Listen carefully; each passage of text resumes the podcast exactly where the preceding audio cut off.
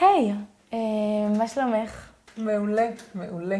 כיף לי. להיות פה איתך פעם ראשונה כן. שאנחנו עושות משהו כזה ביחד, אימא ובת. לגמרי. אז אני נוגה רטר, ואני דפנה רטר. והתכנסנו כאן היום לכבוד יום האישה. אה, חשבנו מה אנחנו רוצות להביא לכאן.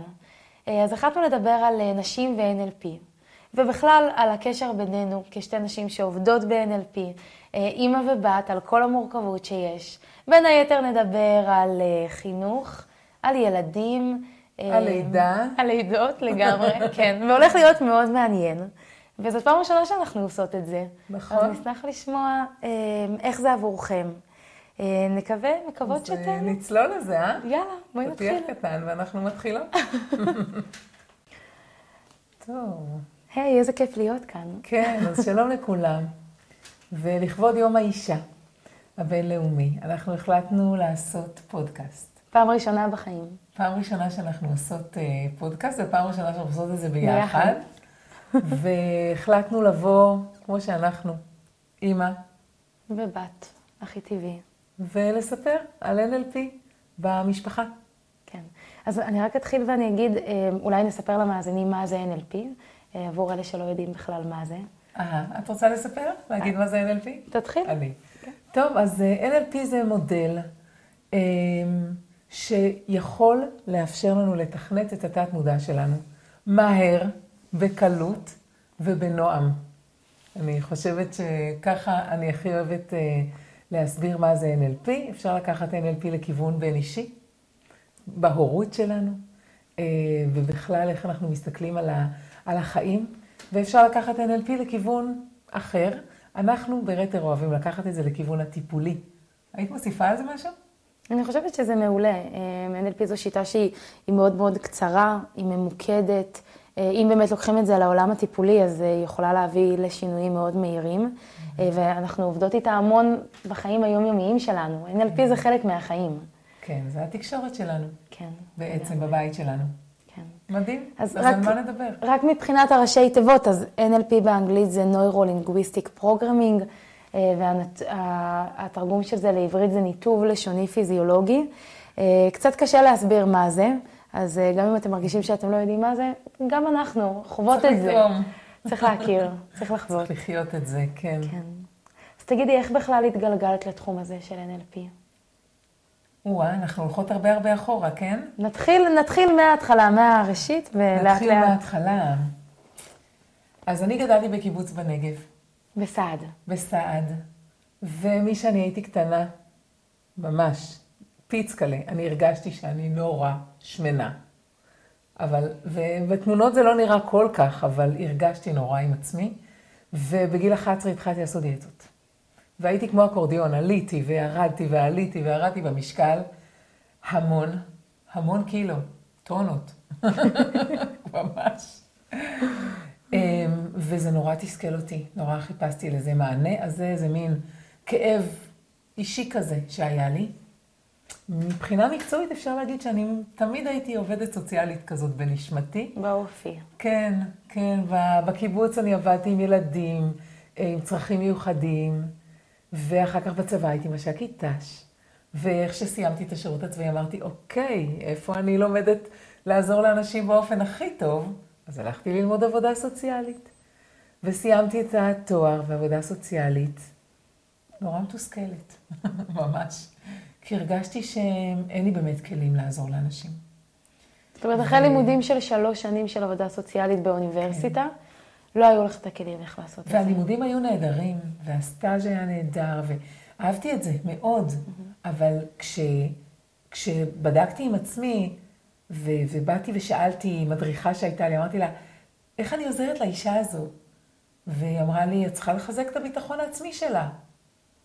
ואמרתי לה, איך? איך עושים את זה? בבית ספר לעבודה סוציאלית, את זה לא מלמדים. אז הייתי מתוסכלת.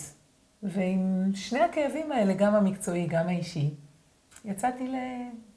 למסע של חיפוש, שהסתיים במקרה, או שלא במקרה, אה, בקורס NLP. לא היה לי מושג מה זה, הגעתי למרכז לימודים מאוד גדול, תחילת שנות התשעים של המאה הקודמת. יאללה. אה, כשבעצם לא היה לך מושג מה זה NLP, לא הכרת, לא שמעת, לא חווית, לא, בכלל לא. התגלגלת לשם. כן, בקושי היו אנשים בעולם שעוד הכירו NLP, ו... וקרה לי שם משהו מופלא, כי אני התאהבתי. התאהבתי פעמיים. התאהבתי באמיר, באבא שלך, שהיה שם בקורס הזה, והתאהבתי ב-NLP, כי הבנתי שזה הכלי שתמיד חיפשתי. וזהו, את יודעת, השאר היסטוריה. מאז אנחנו מגדלים את שתי האהבות האלה שלנו, ואותכם, ואת מכללת רטר, ו... והיום זה כבר בכלל. הכל ביחד. עוד נגיע לזה, כן. עוד נגיע, עוד נגיע לזה בהמשך, כן. וואו, אוקיי, אז איך יצא לך להשתמש ב-NLP? אה, אולי בוא נדבר על ההורות שלך בזכות NLP. אה, ואז אני אגיד ש... את זה גם מהצד שלי, כי הייתי חלק מזה. כן, אפשר להתחיל עוד, עוד לפני שנולדתי. אוקיי. אה, אז נכנסתי להיריון עם יהל, עם הבן הבכור, האח הגדול שלך. והייתה לי לידה מזעזעת, ממש. לידה לא טובה. אה, אפילו טראומטית. מה הפך ו... אותה לטראומטית? אמ, איבדתי שליטה על התהליך. אה, הייתי מחוברת ליותר מדי צינורות ותרופות ויותר מדי אנשי צוות היו שם, והוא היה במצוקה בבית אומרת, חולים. את מדברת ממש ממוקד על ה... הוא בבית חולים, וזו פשוט הייתה חוויה גם מאוד מאוד ארוכה, אבל גם זה באיזשהו שלב יצא מהשליטה שלי, וזה היה הכי רחוק מאיך שרציתי ללדת. Mm-hmm.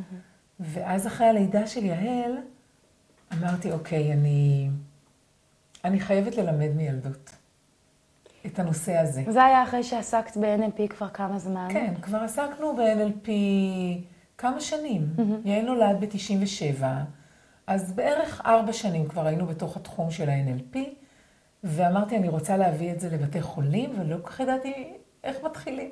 להביא את זה לבתי חולים כדי לייצר לבאות בתור חוויה יותר טובה של לידה? כדי שלמילדות mm-hmm. יהיה את הכלי הזה של דמיון מודרך, של NLP, שהיום, כשדיברתי עם איזה מיילדת, אז היא פשוט אמרה לי, חוץ מהפידורל אין לי מה להציע ליולדות. אין לי כלים. ואז... אמ, וואו. אני לא זוכרת איך נוצר קשר עם... אז גרנו בירושלים. את גם נולדת הרי בירושלים. נכון. נוצר קשר עם אה, בית חולים הדסה עין כרם, והגעתי לשם, הם הזמינו אותי לעשות קורס למיילדות שם, ובניתי להם קורס די קצר, שלימד אותם את הבסיס הזה של תקשורת NLP, של לעודד. ושל להשתמש בדימויים כדי לעזור לאנשים אה, ללדת אולי, בטוב. אולי תתני דוגמה. זאת אומרת, ממש ברמה הפרקטית איזשהו כלי שלימדת כן. אותם. אז נגיד מגיעה אישה והלידה נורא כואבת לה. אז פשוט לשאול אותה, כמו מה זה כואב, אוקיי? או לא, אפילו הדבר שהכי הכי אהבתי, ואולי את זה אני יכולה לתת פה כבר כמתנה לנשים שמקשיבות לנו, אה, וגם נשים שהולכות ללוות נשים שעומדות ללדת. אז זה יכול להיות גם אימהות של וסבתות. אז אני מאוד אהבתי דימוי של גל. אוקיי? זאת אומרת, לדמיין שאת את שטה לך, את צפה על ים של אימהות, ואת בדרך אל החוף, ובחוף יחכה לך התינוק שלך. אבל יש דרך לעשות כדי להגיע לחוף. שזה מן הסתם הצירים. זהו, והדרך הזאת, מה שמקדם אותה, זה הגלים. כל גל מקדם אותך לחוף. Mm-hmm. וכשמגיע גל, מה שאת צריכה לעשות זה פשוט לנוח, או לתת לו להתרומם, להרגיש את מה שהוא עושה, להרגיש את ההתכווצות, להרגיש ולהבין אבל שזה מקרב אותך בעוד כמה צעדים לחוף. ובין ציר לציר את פשוט צפה לך על המים, וזוכרת שעל המים האלה, את המסלול הזה, עשתה אימא שלך כשהייתה בהריון איתך, וואו. וסבתא שלך, ואימא של סבתא שלך, ודורות על דורות על דורות על דורות של נשים עד uh, חווה אימנו. איזה משמעותי זה ו... לחשוב על זה, זאת אומרת, איזה פרספקטיבה פתאום. אמ, שכולם עברו את זה, את אותו הדבר. כן. ואיך איך לעשות את זה? זאת אומרת, האם שמיילדת... אמ, אז אני לימדתי מילדות לעשות את זה. אז זה התחיל מהדסה עין כרם. מקסים.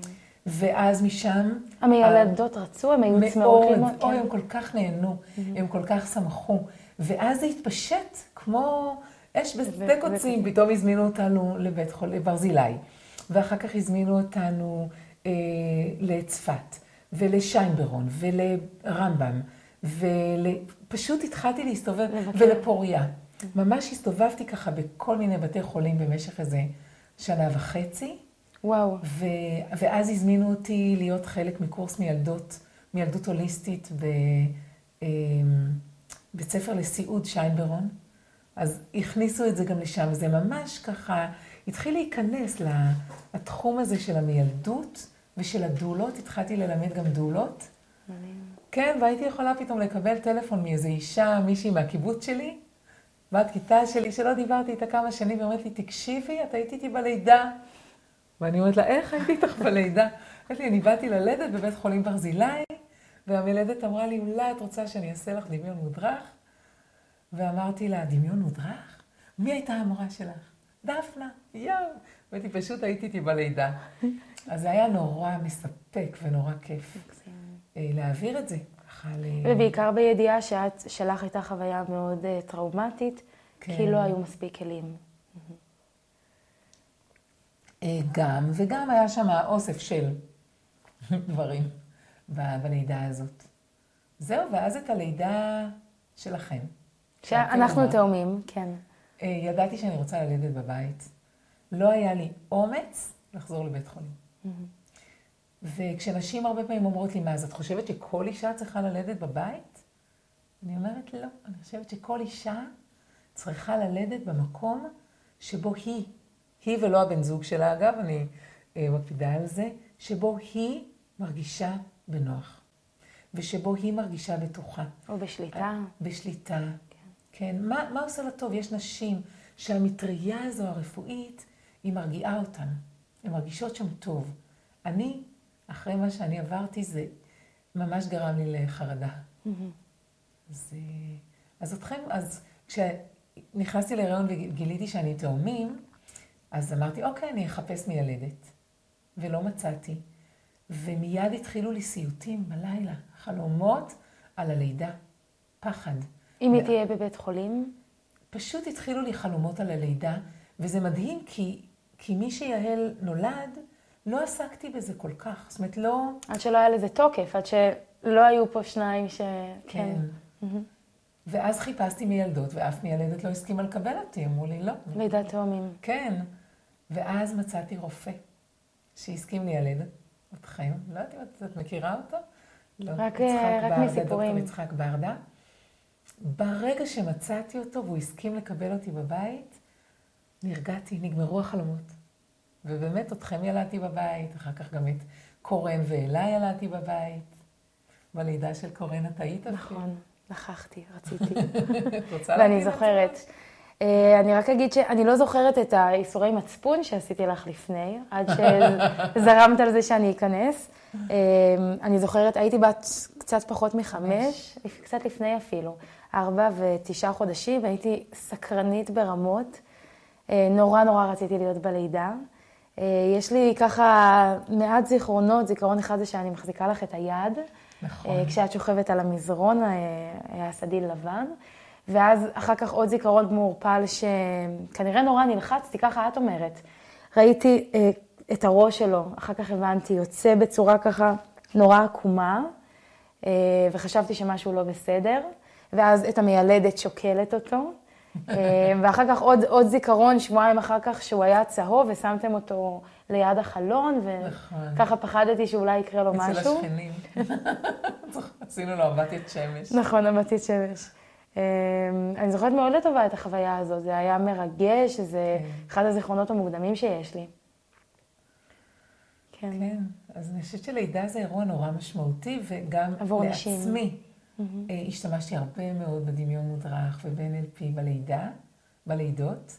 אמיר גם מאוד עזר לי, אבא שלך, ליווה אותי, ואני חושבת שהלידות הבאות כבר היו באמת חוויה הרבה הרבה יותר טובה.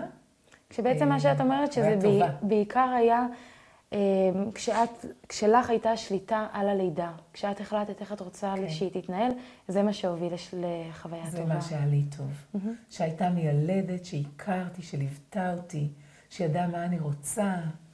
אה, כן, לי זאת הייתה חוויה טובה. ושוב אני אומרת, כל אישה צריכה ללדת איפה, ש... איפה שטוב לה, אין, אין פה חוקים.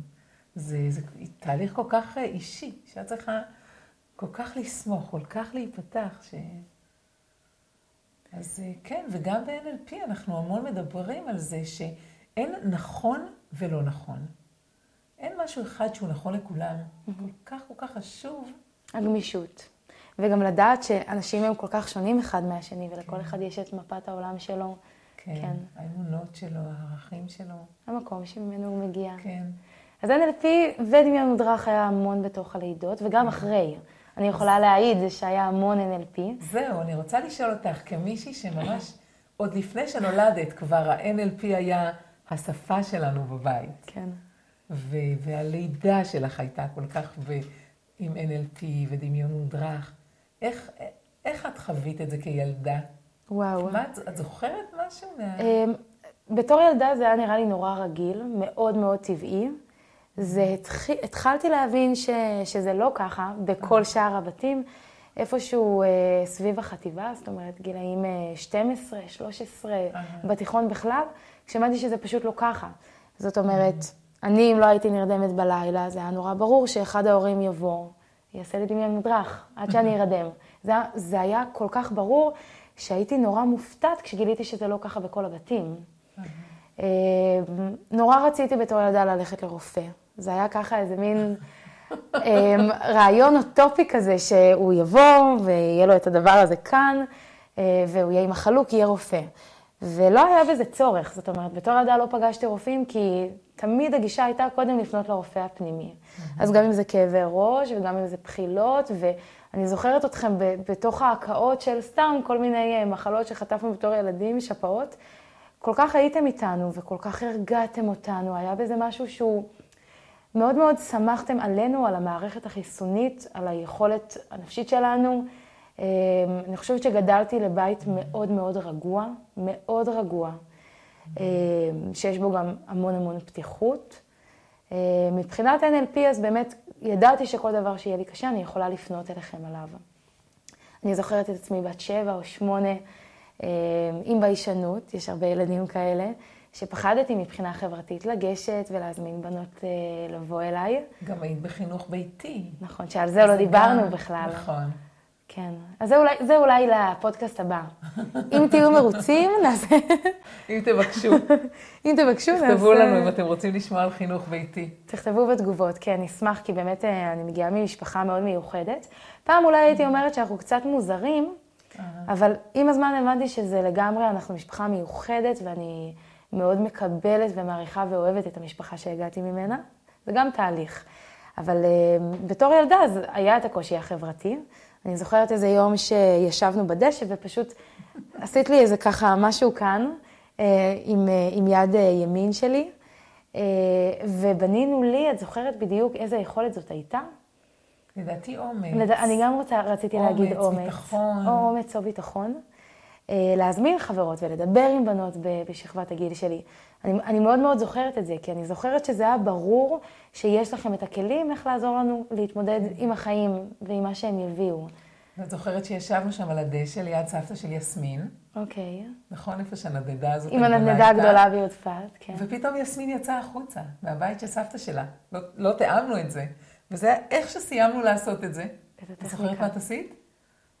ניגשתי, אני זוכרת את שניגשתי רצת אליה. אליה. אמרתי, אמא ביי. ופשוט רצת אליה, ולא, אין סיכוי שהיית עושה את זה. לולי. בלי כן, זה. כן, כן. ומזה גם נולד תהליך NLP מדליק, שאני קוראת לו מחסן סודי בכף ידי. והוא מותאם לילדים. כן, ככה אנחנו פותחים כל... אה, נשים, נשים את זה על השולחן ונגיד שאנחנו חמישה ילדים בבית, כולנו היינו שפני ניסיונות, ניסויים בילדים, אה, בפיתוחי טכניקות ב-NLP, זה לגמרי... אבל... אה, יצא טוב. יצא טוב, כן, גד- גדלנו בסדר. אני, אני מרוצה, אני לגמרי מרוצה. את לפני כמה זמן, אני אה, אקדים את המאוחר, אני כבר אגיד שאת היום מטפלת בילדים, כן, ב-NLP. נכון. ולפני איזה כמה חודשים, אמרת לי, וזה נורא ריגש אותי, אמרת לי, אמא, ככל שאני מטפלת יותר בילדים, אני יותר מעריכה את הבית שבו גדלתי. זוכרת? כן. זה מלווה אותי כן. המון. ואז אני סיפרתי לך על חברה שלי שאמרה שהיא הייתה אימא מושלמת עד שנולדו לה ילדים. אז, אז אני רואה שאת מתעוררת לזה. מתעוררת לזה כבר, כן. אה, אז רק נגיד שאני בת 22, אוטוטו.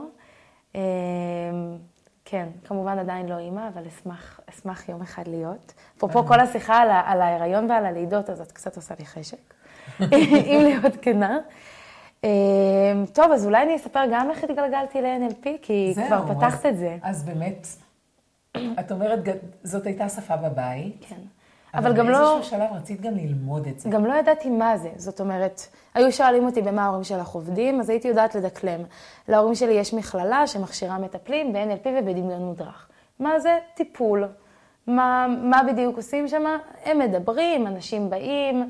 ידעתי שהתלמידים שלכם נורא נורא אהבו אותנו. ופשוט ראינו אותך מתמוגגת, נכון. אז אני באמת מתמוגגת, ואנחנו מחפשות אה, הזדמנויות, איך אנחנו יכולות להמשיך לעבוד ביחד. כן, למה, כן. למרות שהיום את זה כבר כיף. עצמאית, יש לך את הקורסים שלך, שאת מנחה לבד מא' ועד ת', ואת הקליניקה שלך, שדי מפה לאוזן, את, מפוצצת, את כן. עמוסה מאוד מאוד.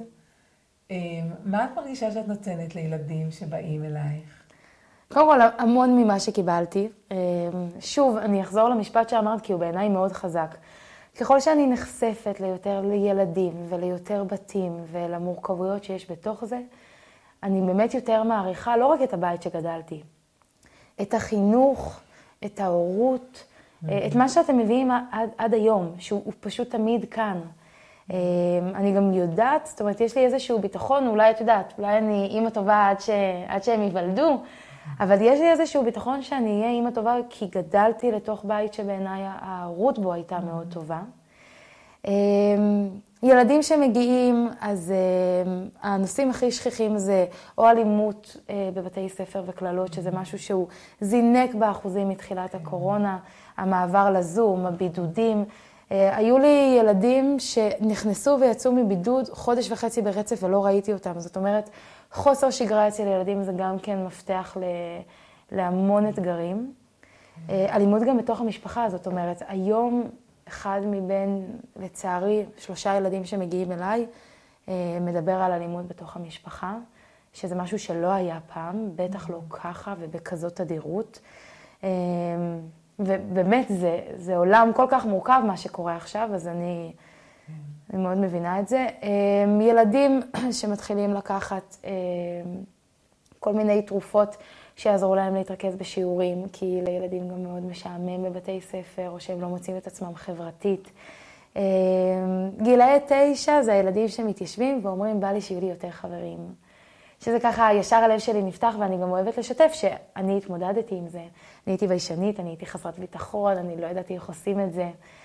אה, אז יש כל כך כל כך הרבה נושאים. היום לצערי, וזה משהו שהוא הפתיע אותי, זה שהורים מספרים לי שהילדים שלהם חווים התקפי חרדה. אה, שהילדים עוד לא יודעים איך להגיד את זה, וההורה לא רוצה להגיד זה היה התקף חרדה, אבל הדופק נורא עולה, קשה לנשום, יש לחץ וזה. ו-NLP, באמת, זה כלי שעובד כל כך יפה עם ילדים, טיפולים שהם כל כך מהירים, שהרבה פעמים אני, אני לא מעכלת את זה שהורים שולחים לי הקלטות ותמונות ומתקשרים ומודים, הרבה פעמים אחרי שתיים, שלוש אה, או שמונה פגישות. זה פשוט מדהים. ועבודה עם פחדים.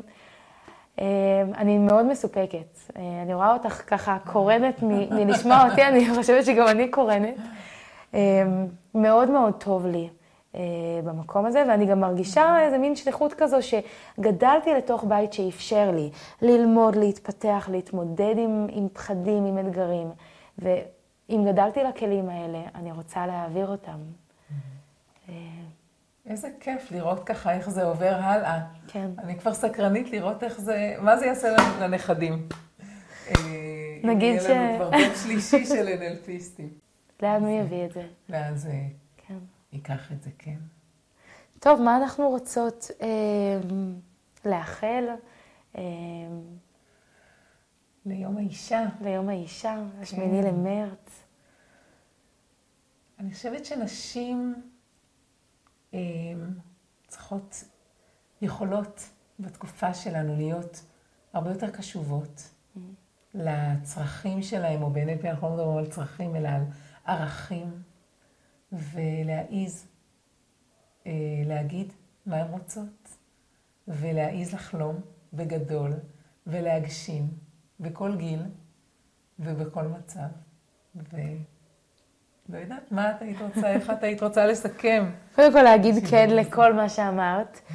אמ, אני חושבת שאנחנו באמת נמצאים באיזשהו, באיזשהו עידן שיש הרבה מקום להתפתחות אישית, והמון מקום ללמוד ולהגיד, ואני חושבת שמעמד האישה הוא מאוד עולה מצד אחד. מצד שני, אז היום נשים גם יוצאות לעבוד, וגם ממשיכות לנהל אה, בית וילדים, ויש כל כך הרבה דברים לעשות, שלפעמים אה, נורא קל לשכוח ולהזניח את עצמנו בתוך זה. אמ, אז מה שאני רוצה לאחל זה שנשמור על עצמנו במרוץ החיים, אה, ונדע מה, נדע לעשות גם את מה שעושה לנו טוב וממלא אותנו. ועוד איחול שלי לנשים זה למצוא את האיזון הזה בין בית לבין משפחה. כי אני חושבת שזה האתגר הכי גדול שיש היום לנשים. אנחנו כל כך רוצות לממש את עצמנו ולעשות עוד דברים מעבר להורות, אבל ההורות שלנו זה דבר שהוא גם כל כך חשוב לנו, ואיך אנחנו, אנחנו דואגות שזה יהיה באיזון, mm-hmm. ושזה יהיה משמעותי וטוב בשני הצדדים. כשמגיעים לאיזון הזה, וזה גם לא איזון שמגיעים אליו ונחים. זה קצת כמו שיווי משקל של הולך על חבל. כל הזמן לחפש. האיזון כשה, כשהתינוק שלי הוא בן שלושה חודשים, זה לא כמו כשהוא בן 21. או בת 21. או בת 21. וואו, איזה כיף, אני נהניתי. גם אני. כן. יאללה, נעשה את זה עוד פעם אולי. נעשה את זה עוד פעם. אז אנחנו באמת מקוות שנהניתם, אה, ואם בא לכם לכתוב ולשתף איך היה לכם, אז נשמח אה, לקרוא בתגובות, לשמוע מכם, ואולי באמת ניפגש פה שוב, כי את מה זה כיפית. גם את. תודה. אוי, כיף גדול. להתראות.